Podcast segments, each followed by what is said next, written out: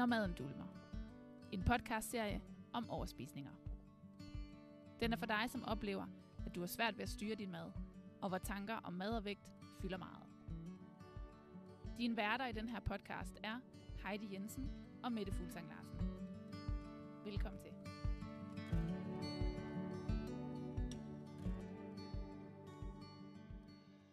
Hej Mette. Hej Heidi. Så er vi øh, tilbage med endnu en episode af Når maden dulmer. Jeps. Og i dag skal vi jo tale om overspisninger i en mørk tid. Og øh, lige inden vi øh, begynder på det, så vil jeg lige nævne, at I meget gerne må øh, trykke subscribe, subscribe hedder det. I øh, Spotify, der skal du trykke follow, og øh, i øh, Apples podcast app, så, øh, tror jeg den hedder, jeg ved det faktisk ikke helt, og øh, hvis I ved det, så må I meget gerne skrive til os ind på Instagram. Lige øh, send en DM. Øhm, men ja, hvis I subscriber, så får I simpelthen besked, når vi kommer ud med en øh, ny episode. Så øh, det må I meget gerne gøre. Ja, tilbage til emnet. Ja. Overspisninger i en mørk tid med det. Ja. Hvad, hvad vil det sige? Ja, det er, det er i virkeligheden et godt spørgsmål. Det er det hver gang, men det er stadigvæk et godt spørgsmål.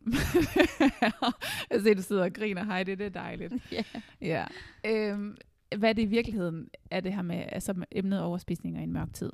Fordi da vi sådan lige sad og snakkede om det øh, her indledningsvis, fandt vi jo faktisk også ud af, hvor forskellige vi to i virkeligheden var. Jeg tror, det er det, vi sådan vil prøve at belyse i dag. Fordi grunden til, at vi egentlig tog emnet op, var det her med, at, at nu er vi ligesom kommet ind i de mørke måneder, altså efteråret er ligesom i gang.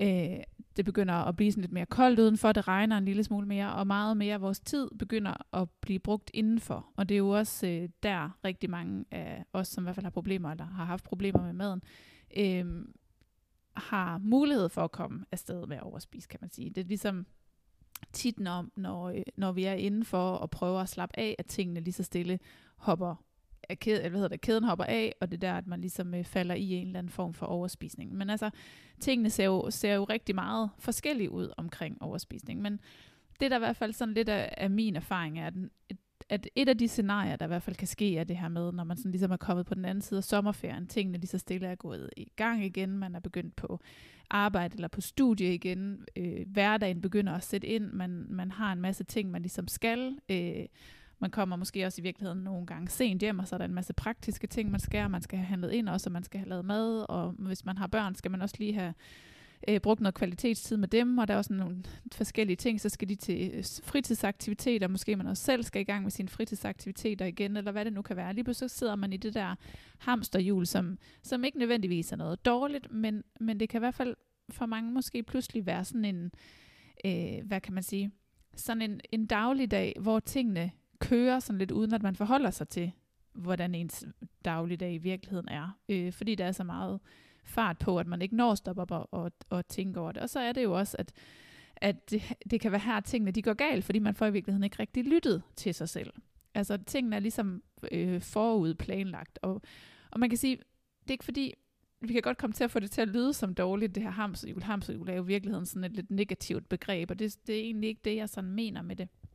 Fordi vi har jo også alle sammen brug for at, øh, at have rutiner, og altså have noget, og øh, hvad kan man sige, noget, der kører på autopilot. Man kan sige, hvis vi har øh, en vis mængde energi eller sådan noget, så, så hver gang vi skal noget nyt, eller tænker os til, at vi, hvad vi skal gøre, eller forholde os til noget, så bruger vi mere energi, end, end hvis det er noget, vi bare gør per rutine. Jeg tror, det er sådan noget 90 procent af alt det, som vi gør i løbet af en dag, det, det bruger vi lige præcis ikke så meget energi på, fordi det er rutiner for os. Men hvis vi skulle tænke over alting hele tiden, så ville vi i virkeligheden ikke have særlig meget energi til noget som helst. Så på den måde har vi også brug for at have de her rutiner, så, og, så det er også en rigtig god ting at have det på den måde. Men det er også her, jeg, jeg i hvert fald tit kan opleve, at at når man kommer til den her hverdagsrutine, hvor man står op på et bestemt tidspunkt, man er i virkeligheden måske ikke rigtig udvilet, fordi man bliver vækket og vækket, og man er faktisk træt, og allerede der, så begynder man sådan et, puh, nu skal jeg også nå de her ting, jeg skal have planlagt de her forskellige ting, jeg skal i løbet af dagen, og så skal jeg på arbejde, og der er tempoet måske også i virkeligheden lidt højt, og man, der får man heller ikke lige lyttet til sig selv, og hvad man i virkeligheden har brug for, hvad man udfører de arbejdsopgaver, man skal. Og så på vej hjem, så kører hovedet lige pludselig med, at man skal lægge sit arbejde fra sig, eller sit studie fra sig, og så skal man i gang med at tænke på alt det, man skal nå, når man kommer hjem, og måske hvis man skal ned og hente børn, eller man skal handle ind, eller et eller andet, så kører de der pligter bare. Øh, og så øh, ender det jo, hvad kan man sige, måske i virkeligheden med, at man kan godt høre min stemme måske køre stærkt, men det tror jeg, det fordi jeg faktisk i virkeligheden bliver lidt selv lidt småstresset over at fortælle om, hvor... ja, hvor, for jeg giver lige lidt tegn til sådan, ja, med det nu jeg skal lige- med tempo igen. Fordi jeg tror faktisk i virkeligheden selv, jeg bliver sådan ret stresset over, hvor hæftigt sådan et program i virkeligheden er, og hvor lidt vi får, vi får lyttet efter undervejs. Og så er det, at når vi så rammer hen på eftermiddagen og kommer hjem, at så kan vi måske tage os selv i, at vi begynder at gå og småsnakke, eller vi spiser en bolle med børnene, eller en, bare en bolle i det hele taget, eller et stykke råbrød, eller noget andet, hvad det nu kan være. Og så får vi spist lidt mere, og lidt mere, og så når vi til aftensmaden, og så spiser vi også lidt mere end der, vi har brug for, og så senere, så rammer vi måske for en fjernsynet eller mobiltelefonen, og så, åh, så kan vi lige mærke, at vi har lige brug for et eller andet, ikke? Og, så, og så kører møllen bare derfra.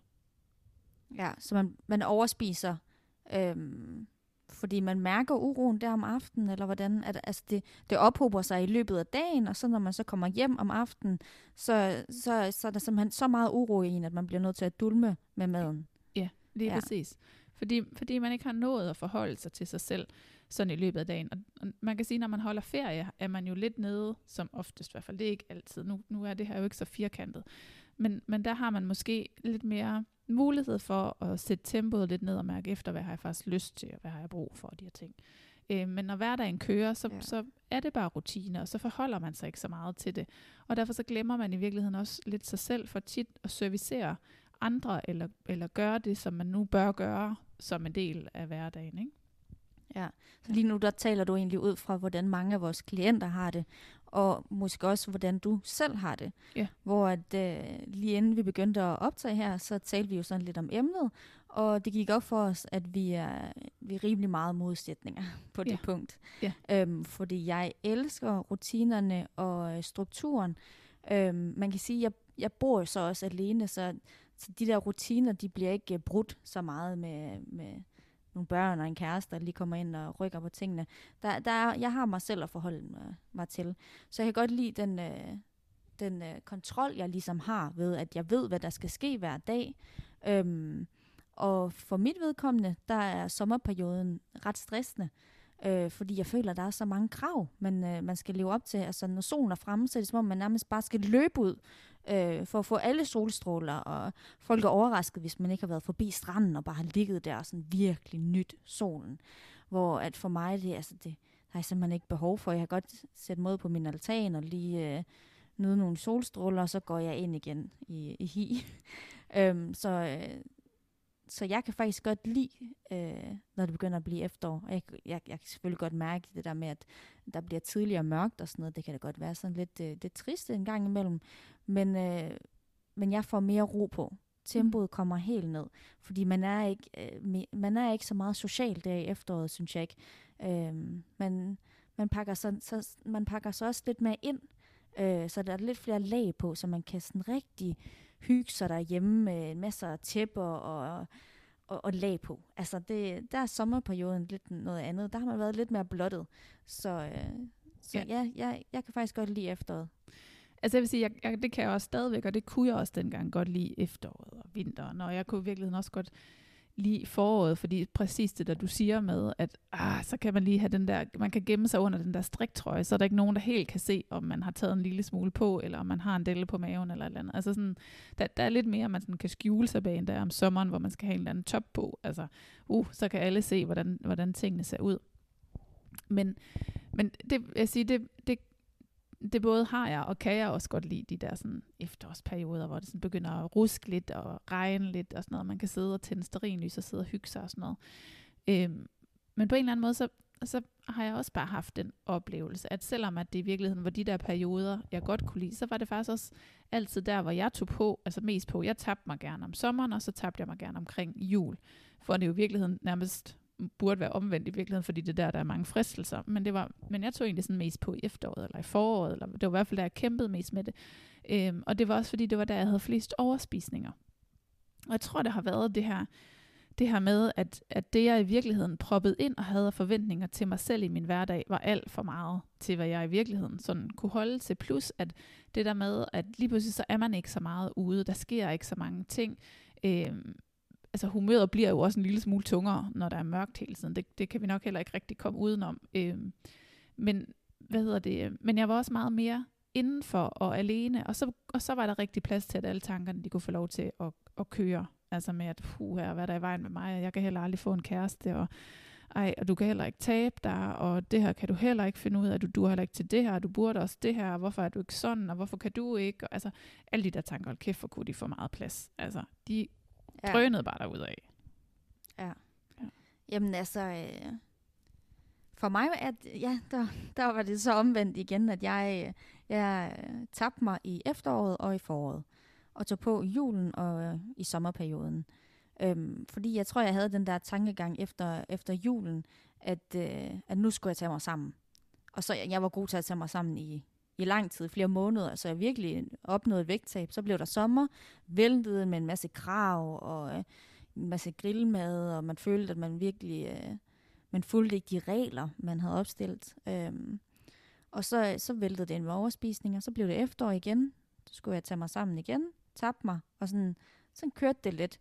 Øhm, det, det er selvfølgelig svært at sige, altså det snakkede vi også om inden her, at, øh, at der sker jo ikke det samme hver i, hvert år, altså fordi der er jo også andre ting, der, der spiller ind, øh, hvis, øh, hvis man har en stressende flytning, eller sådan et eller andet, eller er gået fra kæresten, eller sådan noget, så det påvirker selvfølgelig også rigtig meget. Men for mig, der, der var det primært sådan, det, det foregik. Ja, men det var foråret og efteråret, hvor du faktisk tabte ja. og kunne tage dig sammen. Ja. ja. Og det er jo og også bare... Jeg, ja. Nej, ja. Øh, undskyld. Det er bare, jeg vil lige nævne øh, det, at, øh, at jeg elsker lidt øh, det der hamsterhjul. Øh, ja. Eller, jeg hader og elsker det. Jeg har lidt sådan had-elsk forhold til, til det. Øhm, fordi jeg har simpelthen i år besluttet mig for, at, øh, at nu skulle det, det skulle brydes.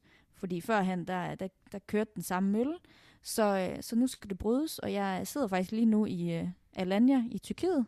Ja, jeg er overhovedet jeg ikke at tage, Nej, jeg valgte at tage 23 dage afsted helt alene. Lavede noget Airbnb, og så, øh, så arbejder jeg simpelthen bare hernede fra. Jeg vil prøve noget andet. Jeg skal simpelthen bryde det der.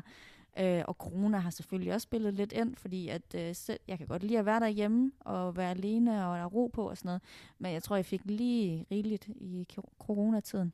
Ja. Så nu, øh, nu sidder jeg hernede, øhm, og det er simpelthen så skønt. ja, det er fedt. Jeg er overhovedet ikke misundelig. Jeg sidder bare og kigger ud, og det regner bare. ja, ja, jeg hører, jeg har dejligt vejr i Danmark. Ej, så. Ja, ja. Men, øh, men det er fedt, Heidi, at også det der med, at man, altså man i virkeligheden får mærket efter. Altså det er jo lige præcis det, du har gjort. Du har i virkeligheden mærket efter. Nu har du selvfølgelig også en, en frihed, som det ikke er alle, der nødvendigvis øh, har, bare uden at det i hvert fald er noget, der skal planlægges en lille smule. Ikke? Men, men i virkeligheden så handler det jo om det samme. Det handler jo om at få mærket efter, hvad det i virkeligheden er, man har behov, og hvad det er, man har brug for. Ikke? Altså, fordi mm hvis ikke folk lige kan tage ud og rejse af alle mulige forskellige årsager, eller i hvert fald ikke prioritere at tage ud og rejse, så kan det jo i virkeligheden være alle mulige andre ting, der gør, at man stopper op og mærker efter. Fordi jeg, jeg tror i virkeligheden godt på, at man kan blive ved med at leve langt hen ad vejen, det liv, som man har, men man skal bare lære at mærke efter og være i det med den, man er, i stedet for at være i det med den, man tror, man skal være. Jeg tror, vi kommer til at sige det her rigtig mange gange, fordi det er sådan lidt en kæphest, og virkeligheden det, det jo handler om, at, der er ikke noget i vejen med os som dem, vi er. Vi skal bare lære at være os som dem, vi er, og lytte til os selv. Nemlig. Ja. Og vi er ikke øh, perfekte, dig og mig. Vi har ikke øh, opskriften på, hvordan man får det, det lykkelige liv, uden nogen overspisning eller noget. Altså, jeg øver mig jo hele tiden. Altså, det er da også en udfordring, at, øh, at jeg er taget herned og øh, bryder fuldstændig de vaner, jeg har.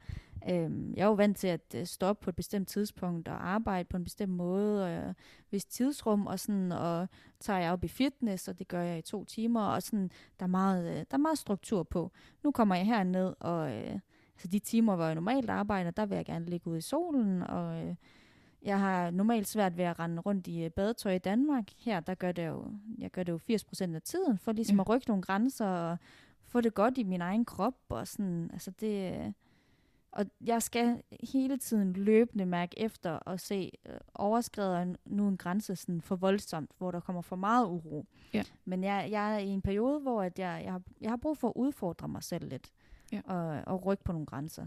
Ja. Så, ja.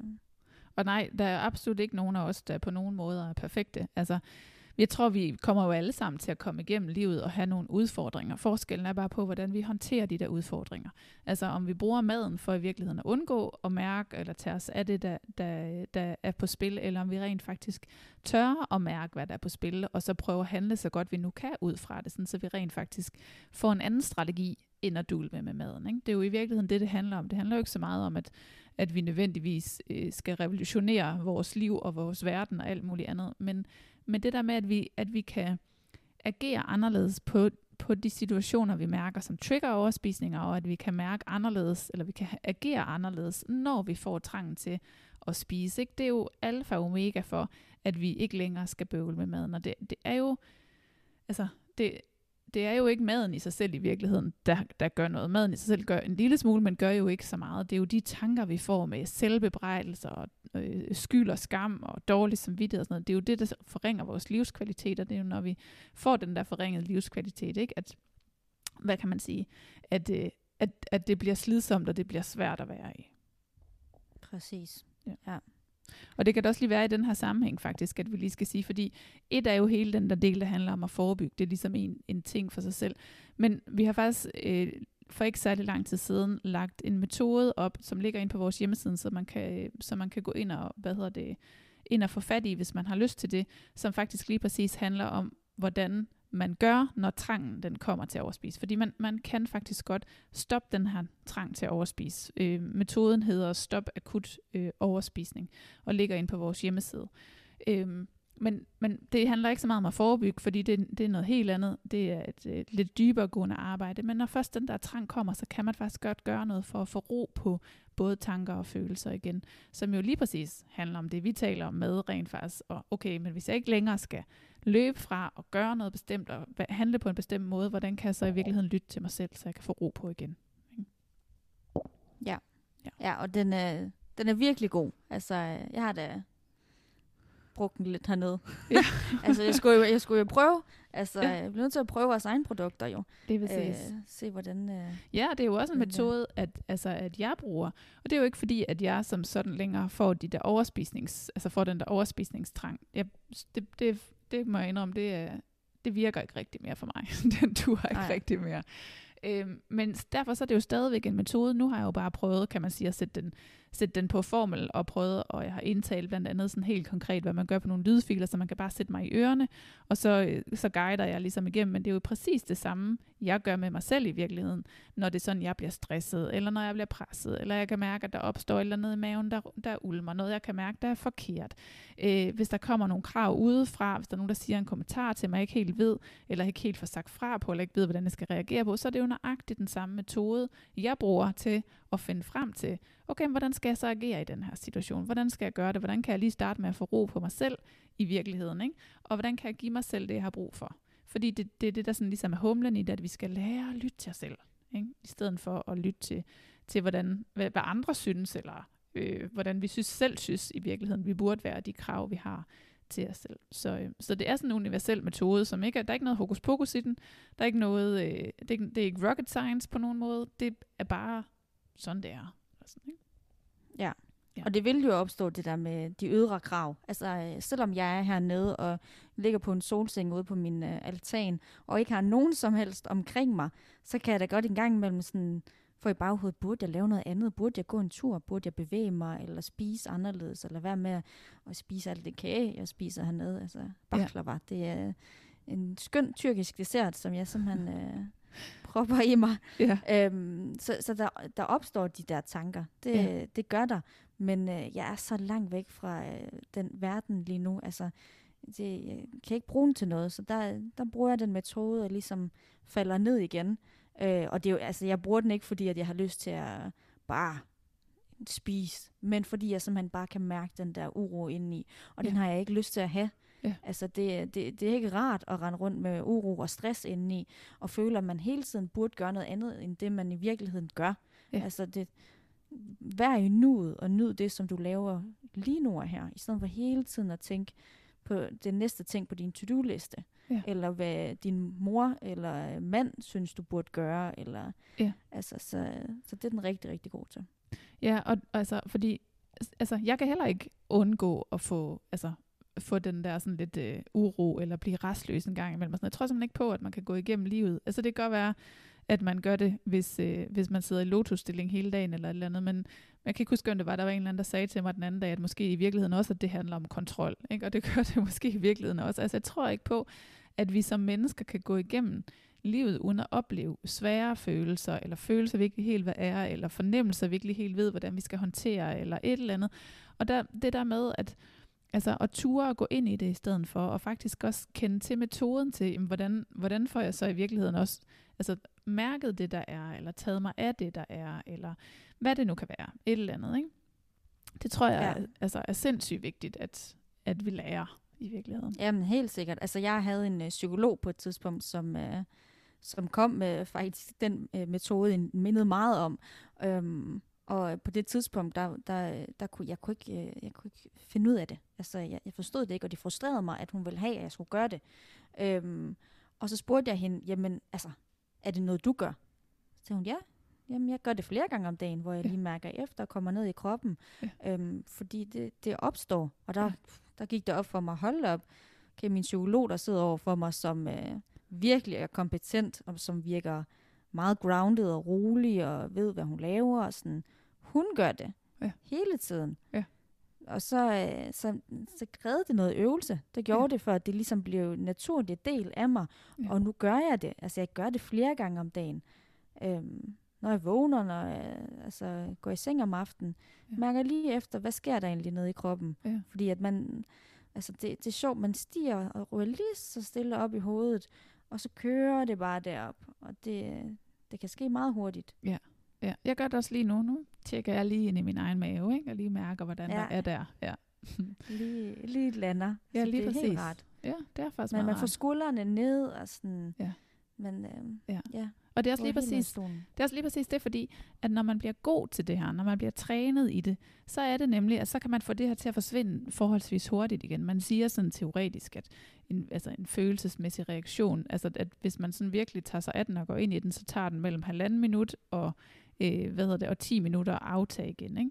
Jeg, jeg ved ikke rigtigt, hvad man skal ligge i det der. Det er vel sådan en eller anden normal fordelingskurve, så er der noget, der falder udenfor til begge sider. Ikke? Men, men, men det er mest for at give det der sådan billede af, at det er ikke noget, der behøves at tage 100 år, når man bliver trænet i det. Altså, jeg, hvis jeg havde en uro eller en klump i maven, så kunne jeg godt sidde her faktisk samtidig med, at vi optog podcast, og ligesom give den det, som, som, som jeg havde brug for, at give den der følelse, sådan, så den faktisk aftog. Og, og det er egentlig, altså, skal ikke, jeg, jeg lover ikke på nogen måde, at det her det er nemt, fordi når man ikke er vant til det, så er det en kompetence, man skal lære. Det er fuldstændig ligesom at, at lære at køre på cykel, og man kommer til at vælte mange gange, man kommer til at fejle mange gange, men hvis man bliver ved og sætter sig for, at det fandme det her, jeg vil lære, ikke?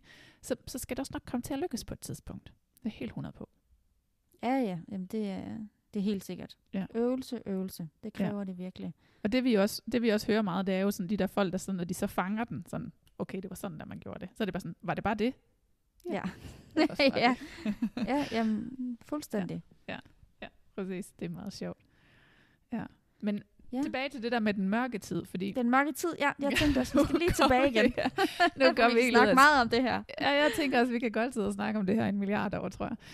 Øhm, men i forhold til det der med den, den mørke tid, så, så det der sådan, i hvert fald er, er sådan min kæphest med det, eller hvad man kan sige, det er jo det der med, når vi tit så, når det bliver mørkt, det der med at være mere inden, og, og øh, altså, der er mere hyggetid, og i Danmark, der hygger vi jo også rigtig meget med mad.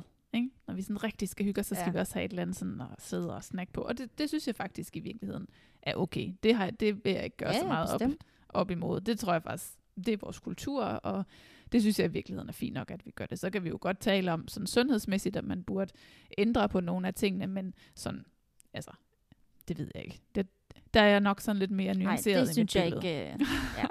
jeg kan også rigtig godt lide chokolade, vil jeg sige. Yeah. ja. Men, men altså, det, når vi, når vi sådan er mere inde, så kommer vi jo også mere i kontakt med vores følelser, fordi der ikke hele tiden er så meget. Eller så kommer vi i kontakt med vores egne tanker. Ikke?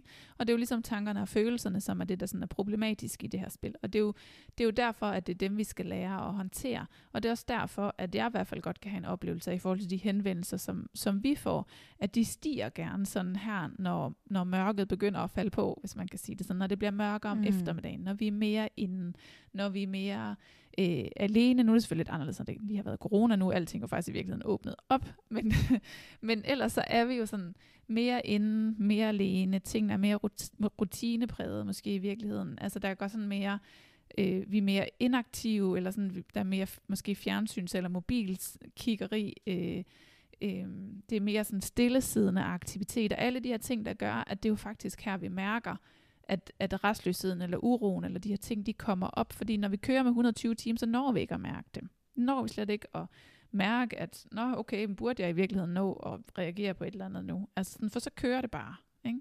Det kan vi bare ikke rigtig holde til længden. Det er ligesom det der bagsiden, og det kan man sige, så får vi som oftest gerne et eller andet kæmpe dyk bagefter.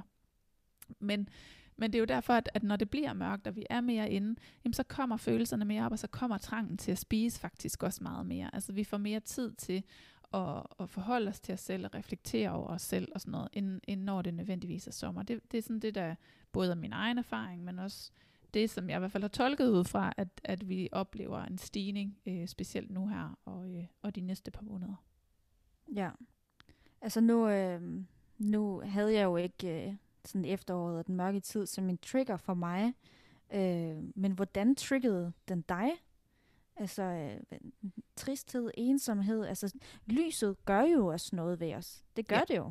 Ja. Øhm, så jeg tror da, man kan mærke den her sådan lidt øh, tristhed ja. når, når mørket kommer. Og specielt hvis man har et arbejde, hvor man sidder indenfor i alle de lyse timer, så man oplever kun mørke nærmest. Ja, ja, præcis. Jamen, altså jeg tror, at... Øh, ej, nu var jeg ved at køre ud af en eller anden tangent, hvor jeg havde lyst til at sige, hvis man sad ved kassen, prøv at forestille sig, så var der ikke nogen vinduer i et supermarked, så sad man en hel dag. det var altså en helt anden vej. ja, øhm, jeg har stor respekt for det, det vil jeg bare sige. Jeg synes, det er fucking sejt. Nå, en helt ja. anden vej. Jeg, jeg tror, at det er lige præcis det, der du siger, det faktisk rammer meget godt hovedet på sømmet i forhold til, hvad det var, jeg oplevede. Fordi at, at det, var, det var jo også, at når man var mere inde og mere stillesiddende, så var der lige præcis plads til de der tanker. Der var meget mere plads til at komme til at føle sig ensom, som jo både var, når jeg var alene, men jo også var, når jeg var sammen med andre, fordi tingene foregik på en eller anden måde en lille smule langsommere noget af det. Ikke? Øhm, og specielt sådan den der følelse af at føle sig forkert. Altså sådan, og hver gang, at at jeg ikke kunne opretholde den der aftale med mig selv om, hvor meget jeg måtte spise i løbet af en dag, og jeg så alligevel endte om aftenen på sofaen for eksempel, og fik lyst til at snakke et eller andet, fordi aftenen pludselig var lang alene indenfor, hvor der ikke skete så meget. Så ja, jeg tror, det var sådan meget den der følelse af, altså både selvfølgelig skyld og skam, men også den der sådan lidt trist, tristhedsfølelse og meningsløshed og opgivenhed og ja, og den, den, jeg blev ved med at vende tilbage til, den der følelse af at være forkert. Altså den var virkelig, den var virkelig stor der. Der var ikke nogen sådan højdepunkter i nærheden. Der var, det var bare sådan, der var bare nogle lange måneder, hvor det foregik på den samme måde, hvor hverdagen var på den samme måde. Der var ikke det der, sådan, de der afbrydelser, som jeg i virkeligheden lidt havde, fordi så, så kunne jeg ikke holde min kontrol, og så kunne jeg ikke opretholde mit kalorietal og tælling og min øh, træning og sådan noget. Men, men alligevel så kunne jeg heller ikke rigtig magte den der hverdag, fordi at der var jeg bare alene og ensom. Og, ja. Så det var sådan mange forskellige ting, tror jeg i virkeligheden, som, som var, men det var de der tunge følelser, som jeg jo kom i kontakt med, når, når jeg kom hen på den her øh, side, eller den her del af året. Ikke? Ja. ja. Men hvad med dig? Øhm, jamen altså, det har jeg jo nævnt før, at jeg godt kan lide at uh, sidde på min sofa og se nogle uh, Netflix-film. Uh, øhm, så jeg kan godt lide, når, når, når tempoet det, øh, det ryger helt ned, og øh, der ikke er så mange krav udefra. Jeg har, jeg har kun mig selv ligesom at, at tage hensyn til og forholde mig til. Øhm, så jeg kan godt lide den der hyggetid. Så du fik ikke øhm, lyst til at overspise eller snack eller et eller andet, når du for eksempel sad og så Netflix-film? Øhm, jo, jeg snakkede, det gjorde jeg, men det var ikke en overspisning. Ja. Altså det var... Øh, og, og det behøver, snacking behøver jo ikke nødvendigvis være noget, man kategoriserer som noget usundt. Altså chokolade og sådan noget. Altså den kunne, kunne jeg sidde og spise, øh, det ved jeg ikke, øh, gulerødder eller sådan. altså det, det var meget nemt for mig at ligesom tage det sunde valg. Ja. Øhm, fordi at, øh, at der var den, den ro i mig. Øhm, ja. Så øh, jeg kunne godt mærke, at mit humør kunne blive påvirket af, at det begyndte at regne og være mere mørkt. Øh, der, der kunne godt komme sådan en lille tristhed. Men, øh, men jeg formåede nok at, at, at være i den tristhed på en eller anden måde. Altså nu, når jeg, jeg vidste jo ikke, hvad jeg gjorde dengang. Jeg vidste jo ikke, at, øh, at jeg mærkede følelsen og var i den.